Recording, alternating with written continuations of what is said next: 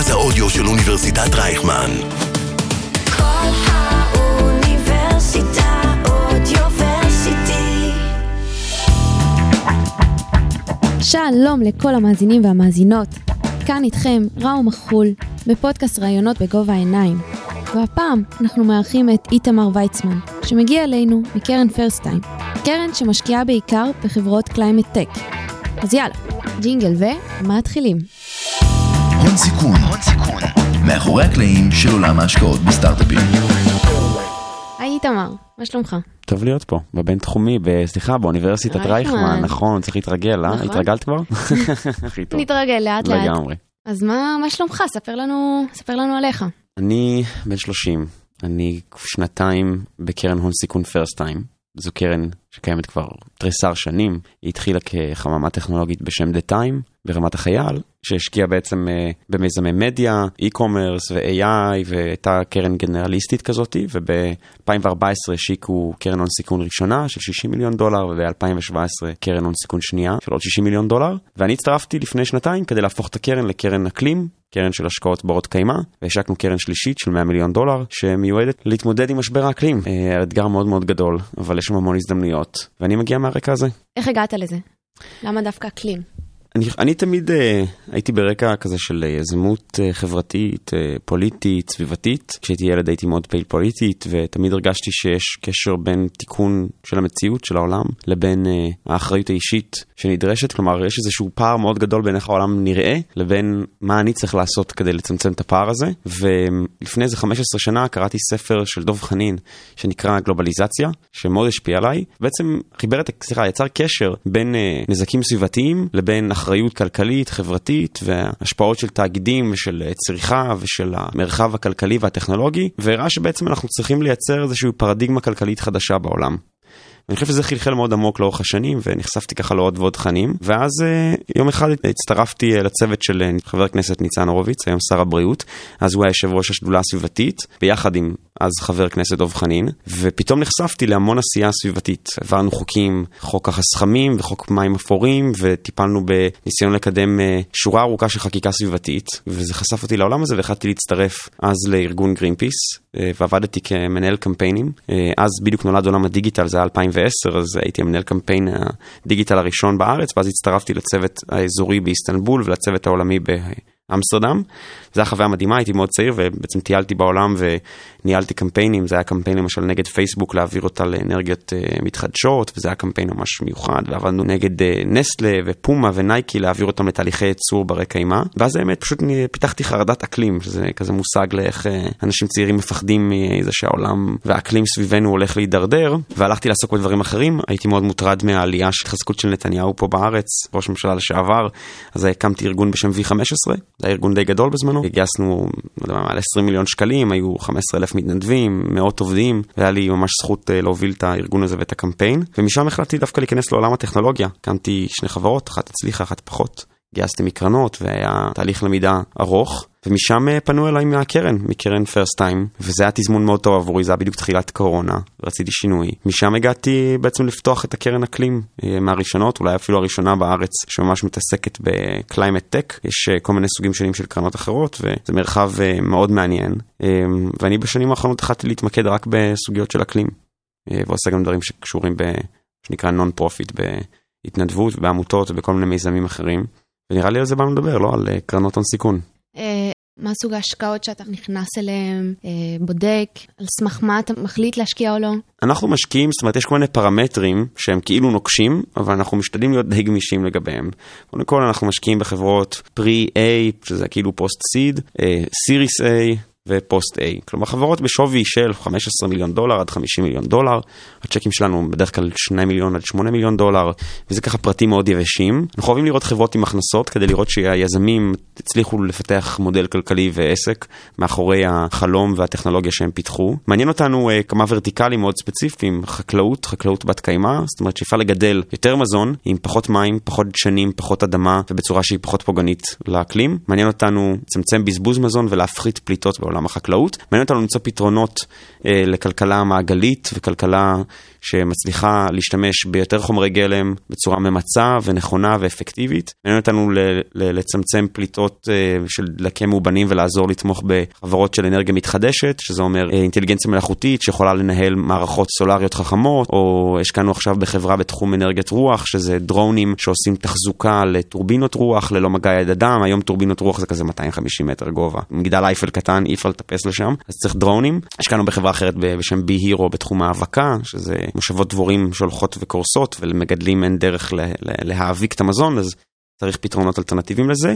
זה פחות או יותר הוורטיקלים שאנחנו משקיעים בהם. זאת אומרת, כל דבר שאנחנו יכולים uh, לעזור לייצר ביטחון מזון, לעזור uh, להגן על נזקי uh, המשבר האקלים הצפויים, ולצמצם כמובן פליטות, ולעבור לכלכלה נקייה ובת קיימא. אנחנו לפעמים גמישים לגבי חלק מהדברים של שווי החברה, או הצ'ק, או הכנסות וכולי. יש- השקענו בחברות בלי הכנסות, והשקענו בחברות עם הכנסות של מיליוני דולרים, זה מאוד משתנה, זה גם משתנה מצוות לצוות. אנחנו מחפשים צוותים חזקים, בעיקר יזמים שיש להם המון תשוקה למה שהם עושים ומרגישים מחויבים. בסוף בהון סיכון אתה משקיע בבן אדם, זה מערכת יחסים של חמש שנים, שבע שנים, עשר שנים, לפעמים יותר, וזה לא נדל"ן, זאת אומרת, זה הערך, הערך הוא הבן אדם שאתה משקיע בו, ואני חושב שזה לוקח זמן להרגיש שיש לך תחושת בטן טובה על בן אדם. אני חושב שגם יזמים היום צריכים לפתח את אותה תחושה על משקיעים, כלומר שגם יזמים ירגישו שהם בחרו במשקיע הנכון, שלהם יש משקיע שהם סומכים עליו ושהם מרגישים בטוב איתו. אז יש כל מיני, זאת אומרת, אני, אני חושב שזו תמונה מורכבת יחסית, איך לבחור השקעה. יש את הנתונים היבשים ויש את התחושות בטן אה, ויש גם את הדברים שבא לנו לעשות. בסוף אנחנו קרן של 100 מיליון דולר, אנחנו נשקיע ב-15-20 חברות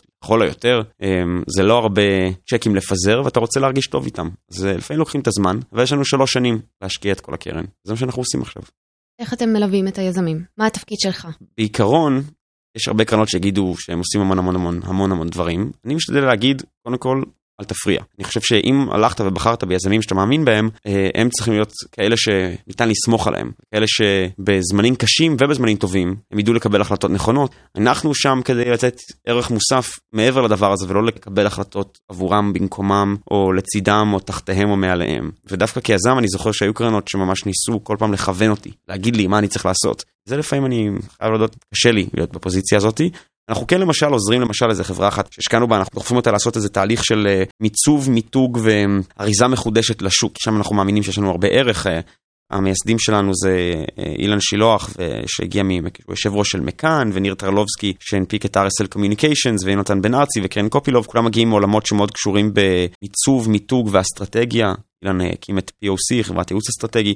אז יש לנו הרבה ערך לדעתי שאנחנו מנסים להביא סביב העולמות האלה של ייעוץ וליווי אסטרטגי בכניסה לשוק, אמ, אבל גם שם זה ביותר בעולמות של אה, לחבר אולי לספקים או למחשבות או לרעיונות או לאנשים שיכולים לתמוך. כן מאוד עוזרים בעולמות של מימון, גם לעזור בעסקו, בכאילו גיוס אה, של סבבי המשך, חיבור לעוד קרנות, לפעמים יחסי ציבור, דברים כאלה. ויש לנו גם מדי פעם אה, אנשי טכנולוגיה ומחקר שאנחנו מתייעצים איתם בחיבורים ובתמיכות וכולי, אבל אני חייב להודות שהדבר הכי משמעותי שאנחנו יכולים לעשות בקרן זה אמ, לבחור את היזמים שאנחנו סומכים עליהם ולייצר אמון.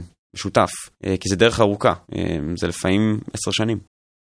אה, אני רוצה לקחת אותך קצת אחורה. הרי אנחנו עכשיו חושפים אנשים צעירים שרוצים לה- להכיר את עולם ההשקעות. מה יותר עדיף? להגיע מעולם של היזם ואז משקיע, או הפוך? אני חושב שקשה לתת עצה לגבי איזה מסלול אדם צריך לקחת, כי זה כל כך משתנה מאדם לאדם מבחינת איפה הלב שלו ואיפה הוא רוצה להיות. אני חושב שיזם צריך להיות אדם מאוד מאוד ממוקד, הוא או היא צריכים לבחור מסלול מסוים, עסקי, מקצועי, אה, וגם כמובן אה, איפה, איפה שהלב שלנו נמצא, זאת אומרת בין אם זה באיך לצורך העניין לעזור ל- להפחית פליטות ב... צמצום צורך בפלסטיק, או בתחליפי בשר, או בפיתוח של מערכות השקיה אוטונומיות, או במערכת חשבונאית למדידת קרבון אופסטים, או פרויקטים של אה, ייעור מחדש, או כל מיני social bonds. בעולם האקלים יש אינסוף מיזמים נדרשים להקים, ואני רואה יזמים שהם... מעניין אותם לפתור בעיה ספציפית. אם מעניין אותך לפתור בעיה ספציפית ואתה רוצה ממש להגיד אני מאוד ממוקד, יזמות זה הדבר. זאת אומרת להגיד אני הולך להתמקד בנקודה מאוד ספציפית במפה, ואני הולך לפתור אותה, ואני הולך להציע פתרון שיהיה גם אפקטיבי וגם כלכלי וגם טוב לעולם. וזה משהו שממש ב mindset של יזם. אבל אם מעניין אותך להסתכל על תמונה מאוד מאוד רחבה, ולהכיר מגוון רחב של בעיות, לתמוך במגוון רחב של יזמים, אז כמובן שהון סיכון זה. אה, הפתרון הנכון והמסלול הנכון. עכשיו זה משוואה כאילו בינארית, כאילו אתה או יכול להיות אה, יזם או משקיע. כמובן יש עוד הרבה מאוד דברים שאפשר לעשות בעולם. אפשר אה, לעבוד בחברות האלה, ואפשר גם לעבוד בממשל ומדיניות ציבורית, ובמערכות כלכליות אחרות, ובכל מיני סוגים שונים של פלטפורמות אה, שיכולות לייצר שינוי. אבל אם כאילו אה, שתי הבחירות היחידות בעולם זה או להיות יזם או להיות משקיע, אני חייב להגיד שהאתגר האמיתי הוא להיות יזם, והעבודה הקשה באמת היא להיות יזם, ומשקיע זה קצת פחות קשה. אני לא רוצה לזלזל במשקיעים ובקרנות הון סיכון, אבל אנחנו לא עושים את העבודה האמיתית. אנחנו פה כדי לייצר רשת ביטחון ותמיכה כלכלית לדבר שחשוב באמת, זה היזמים והמיזמים. ואני הרבה פעמים מרגיש כמו, כמו מעודדת מהיציע או מעודד מהיציע. אני לא מרגיש כמו הדבר עצמו, כמו המנה העיקרית. אני איזה מין תפאורה. אני המוזיקת רקע במעלית. אני לא הבן אדם שעולה במעלית. אה, ואני שלם עם זה. אה, אני שלם עם זה בגלל שאני סקרן, ואני זוכה לפגוש המון אנשים, ואני לומד. מי שרוצה ללמוד בטירוף, ו... לפגוש המון אנשים כל הזמן, וכל הזמן גם להגיד לא, חשוב לומר את זה. 97% מהחברות שפונות אליי, אני נאלץ להגיד להם לא, כי אני פוגש 500 בשנה. זה לא כזה הרבה, זה 40 בחודש, 50 בחודש, ואני משקיע בחמישה, שישה, שבעה, אז אני אומר uh, ל-2% כן. זה דבר קשה להגיד לא כל הזמן, וכל הזמן להיות ה-bad guy, ויש כאלה שלפעמים לא, לא, לא לוקחים את זה בטוב, יש כאלה שלוקחים את זה ממש בטוב, יש כאלה שלא אכפת להם, יש כאלה שמעמידים פנים ש... שהם לא לוקחים את זה בטוב, כותבים מיילים מאוד לא יפים, או נעלבים, או לוקחים את זה אישי, אני משתדל, אני יודע שזה ממש קשה לי, אבל אני משתדל להיות ממש אדיב ואקסטרה נחמד עם כל יזם או יזמת שאי פעם פונים אליי. אבל אני משתדל גם להיות מאוד כן, כי אני זוכר שהיו קרנות שלא אומרים לי את האמת, אמרו לי זה נשמע מעניין, אנחנו נדבר איתך, וזה בעצם אומר לא, או אה, תשמע זה ממש דבר מצוין וכולי, אבל כרגע אנחנו לא משקיעים, שזה בעצם אומר לא מסיבה אחרת. זאת אומרת, אני מאוד אוהב להגיד למה אני לא משקיע. זה מוקדם מדי, זה יקר מדי, זה לא מתאים לנו, זה לא בפוקוס, זה לא הקרן, זה לא התמה, זה לא המודל הכלכלי. אנחנו לא מאמינים ש, שאתם בדרך הנכונה הזו. אני עושה את זה בצורה מכבדת, אני משתדל להיות לא ישראלי בוטה בהק...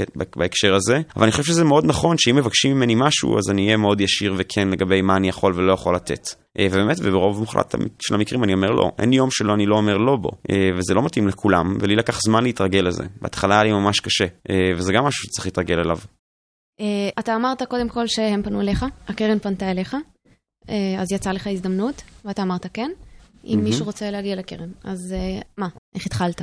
זה היה בדיוק תחילת הקורונה, אז העולם היה מאוד לא יציב ומאוד מבלבל, החודשים האלה של מרץ 2020. אה, אני הגדרתי איזשהו תהליך של חצי שנה, שבו ביחד עם הקרן למדנו להכיר את השותפים, למדתי להכיר את השותפים. תהליך של כניסה לשותפות זה מאוד שונה מהצטרפות לעבודה בקרן. הצטרפות להיות אסוסייט uh, או אנליסט או כל תפקיד בקרן, הוא ברוב המקרים נראה כמו דרך להצטרף uh, לכל חברה, בכל תפקיד, להיות שכיר. שותפות זה דבר אחר לגמרי, זה מחויבות לכמה וכמה שנים, יש זכויות משמעותיות, יש לך אחוז מהקרן ומהקרי אינטרסט, אתה עוזר לגייס את הכסף, אתה חלק מהאנשים שנמצאים בוועדת ההשקעות ומקבלים, ובעצם מחליטים על השקעות ועל האסטרטגיה של הקרן. אז זה, זה, אני זוכר את השותף שלי, יונתן אמר לי, אה, אנחנו קודם כל בדייטים לפני החתונה. אז היה לנו חצי שנה של דייטים, וזה היה חצי שנה שבאמת אה, למדנו להכיר אחד את השני. אני למדתי להכיר את עולם ההון סיכון, הצטרפתי להמון פגישות, כאילו לא להיות אה, זבוב על הקיר, לראות איך נראית ועדת השקעות, לראות איך נראית פגישת deal flow, להבין איך בוחנים חברה, איך נראה כל התהליך, לראות פגישות דירקטוריון ו board של חברות, לראות ולקרוא דוחות לעדכון למשקיעים, פגישות עם משקיעים קיימים ומשקיעים חדשים, פגישות עם עורכי דין, diligence משפטי ופיננסי, פגישות עם ספקים, כמובן פגישות שותפים. היה תהליך של באמת הרבה מאוד זמן. אני הלכתי להתייעץ גם עם עוד אה, מנהלי קרנות ועובדים בקרנות מכל מיני תחומים. הלכתי להתייעץ גם עם אנשי אקלים וסביבה, הלכתי להתייעץ עם יזמים, הלכתי להתייעץ עם חברים שלי. הם עשו עליי גם בדיקות רקע אישיות, משפטיות ומקצועיות. ואחרי באמת חצי שנה החלטנו להתחתן.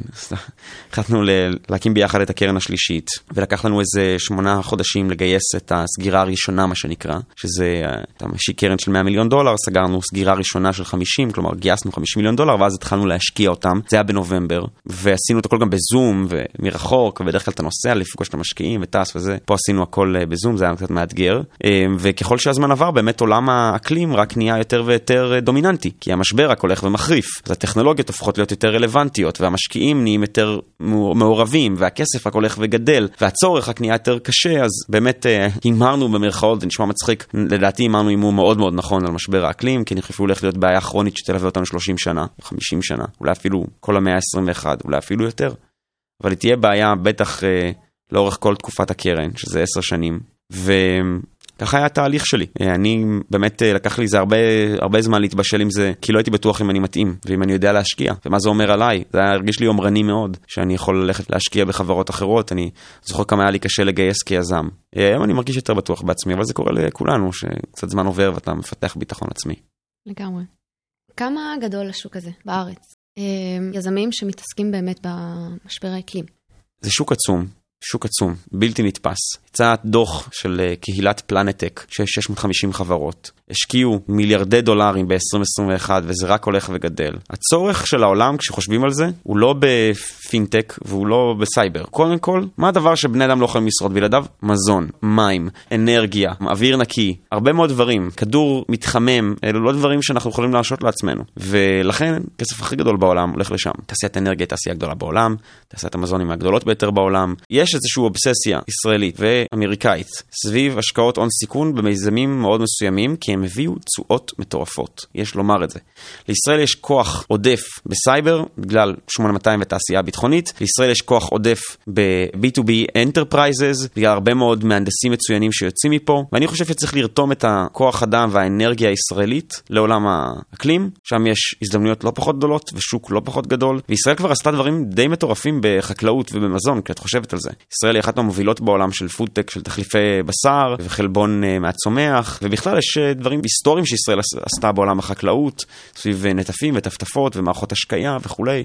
ישראל הצליחה להתגבר על הרבה מאוד אתגרים אקולוגיים וטבעיים פה סביב המדבר, כדי להבטיח את הביטחון התזונתי פה בשנות ה-50 וה-60, ואני חושב שאפשר שוב לרתום את הדבר הזה, זה פשוט אומר שיזמים וקרנות יצטרכו להחליט, אנחנו הולכים להתמודד עם הבעיות הגדולות בעולם, ואנחנו נבנה גם את השוק הזה, ונהפוך את ישראל למעצמה בתחום הזה. אני חושב שזה קורה מעצמו, אבל יותר מדי לאט, וצריך להאיץ את זה. וזה אומר שיכול להיות שאנחנו נצטרך לוותר קצת על, על, על לעשות 8x בקרן, ולהביא 50% IRR, וכנראה אולי צריך לעשות 3-4x על קרן, ולעשות 25% IRR, שזה עדיין מאוד מאוד יפה, ומשקיעים יעשו המון כסף, אבל יש אחריות לגופים המוסדיים, לאיפה שהפנסיות שלנו מושקעות, להסיט השקעות ממקומות מזהמים או פוגעניים לעבר קרנות אקלים, לא רק בשלבי הון סיכון, אלא גם בשלבים מאוחרים יותר. כי צריך יותר פאנלים סולאריים, אז צריך יותר מימון, ויותר חוב, ויותר אגרות חוב, ויותר הלוואות ואשראי. אז זה, זה, זה עולם גדול ומורכב, ואני לא בטוח שפה הפודקאסט הזה זה לדבר על אה, איזה שינוי אנחנו צריכים בעולם האקלים, אבל השוק, אם אני רוצה לחזור רגע לשאלה שלך, הוא שוק מאוד מאוד גדול, שרק הולך ויגדל, וכשתחשבי על זה, גם במשברים, יש עכשיו אה, ספק מלחמה באוקראינה, והבורסות יורדות, תמיד אנחנו, העולם יצטרך מזון, תמיד העולם יצטרך אנרגיה. ואנחנו גם רואים לא סתם את מחירי הנפט והגז עולים, ואני חושב שאם אנחנו נצליח לייצר uh, כלכלה בת קיימא, אז uh, מי שישקיע במקומות האלה גם ירוויח מאוד טוב. מה, איזה תחום הכי, uh, your cup of tea, כאילו, הכי מעניין אותך בין כל מה שהזכרת? וואו, שאלה טובה. אני בן אדם מאוד סקרן וקצת מפוזר, ואני אוהב uh, הרבה דברים, ואני קצת לפעמים מתעורר עם היום הזה על משהו אחד, וביום אחר על משהו אחר. אני, מעניין אותי מאוד מאוד מאוד עכשיו, לאחרונה, כל העולם הזה של uh, material tech, שזה טכנולוגיה לחומרים, חומרים שמשתמשים בכל מיני uh, דרכים אלטרנטיביות ליצירה של חומר, בין אם זה פלסטיק ללא נפט, או בין אם זה שימוש חוזר, זאת אומרת להפוך פסולת לפלסטיק ולכלים אחרים, ולחומרים אחרים, ואיך... לייצר בטון ירוק, חומרי בנייה ירוקים ואחרים, ובכלל כל העולם הזה של מטריאל טק הוא מאוד מאוד מאוד גדול, כי הוא משלב גם כלכלה מעגלית, כלומר איך אנחנו עושים שימוש חוזר בחומרים שכבר עשינו בהם שימוש, אם זה מתכות או בטון או פלסטיק או זכוכית או מתכת או עץ או כל מיני חומרים, וגם משלב את היכולת להפחית פליטות, כלומר לייצר פחות פלסטיק, לייצר חומרים בצורה יותר נכונה ותקינה ומעגלית ופחות מזהמת, כזו שלא אה, פוגעת גם בקרקע שלנו ובמאגרי מים ובמי תהום, ובאמת מטריאל טק זה תחום אה, כבד, הוא דורש הרבה מחקר, הוא מאוד מבוסס חומרה, אנחנו עוד לא עשינו השקעה בתחום הזה, ואני מאוד מאוד רוצה להיכנס אליו, יש כמה חברות ישראליות מאוד יפות, אני אציין אחת שנקראת UBQ שגייסה גם איזה 170 מיליון דולר וחברה שהולכת להיות מהיוניקורנים הראשונות בישראל באקלים, וזה למשל דוגמה לחברה שצמחה מאוד מהר ומוכיחה שיש שוק עצום לדבר הזה. עוד חברות מגיעות במרחב הזה, מבוססי עצה למשל, חומרים פלסטיק מבוסס עצות, ראיתי חברה מאוד מעניינת, אה, כאלה שמתעסקים באריזות רב פעמיות, יש הרבה מאוד דברים סביב מטריאל טק. אותי זה מעניין כי זה, אני מאוד, אני נכנסתי לעולם הזה של דברים פיזיים. יש איזשהו משהו מנוון שהכל כזה מוצר דיגיטלי, והכל זה עוד איזה חברת תוכנה וכולי. יש משהו נורא כיף בלהסתכל אה, על יזמים ולבוא למעבדה שלהם ולראות את המחקר והפיתוח ולגעת בו. אז זה משהו שאני מאוד מאוד סקרן כלפיו, אבל uh, זה משתנה האמת. איך אתה גורם ליזמים לקחת אותך כ- כמשקיע. חוץ מתחושת בטן. וואו, זה קשה. תשמעי, הרבה פעמים זה דין, יש מה שנקרא דינמיקה של עסקה. אה, יש חברות שפונות אליך, יש חברות שאתה פונה אליהן, וזה מייצר דינמיקה מסוימת, של מי מחזר אחרי מי, זה גם קצת כמו עולם הדייטים. שזה מאוד מאוד כזה מי מתחיל עם מי, ומי אמר על מי מה, וקצת כמו בתיכון, הוא אמר לי ככה שעליך, ומה אתה שמעת עליו, וריחולים, ויש המון דיבור בתעשייה. לי זה קצת קשה, כי אני כזה מרגיש שכזה וואלה, אם יש דינמיקה טובה, ווואלה, אם החברה מעניינת, אז למה שלא נשקיע? אבל קרה שפספסתי חברות כי אמרו לי לא, והם הלכו למשקיע אחר. מכל מיני סיבות, אולי, אה, לא יודע מה, הם אה, רצו אה, קרן יותר גדולה, יותר ותיקה, עם שם יותר גדול, איזה קרן אמריקאית, קרן אירופאית. יש כאלה שגם רוצים ל- לפעמים, אני יודע מה זה נופל בגלל אה, מחירים. ואת יודעת, השווי והצ'ק סייז ודברים אה, של נתונים פיננסיים, יש כל מיני סיבות למה זה נופל. אמ, אני משתדל, אמ, כשאני מפתח דינמיקה אה, עם יזם, לנסות לבנות, לבנות מערכת יחסים ש, אמ, שהיא חיובית, ש, שיש איזו ידידות שנרקמת לאט לאט.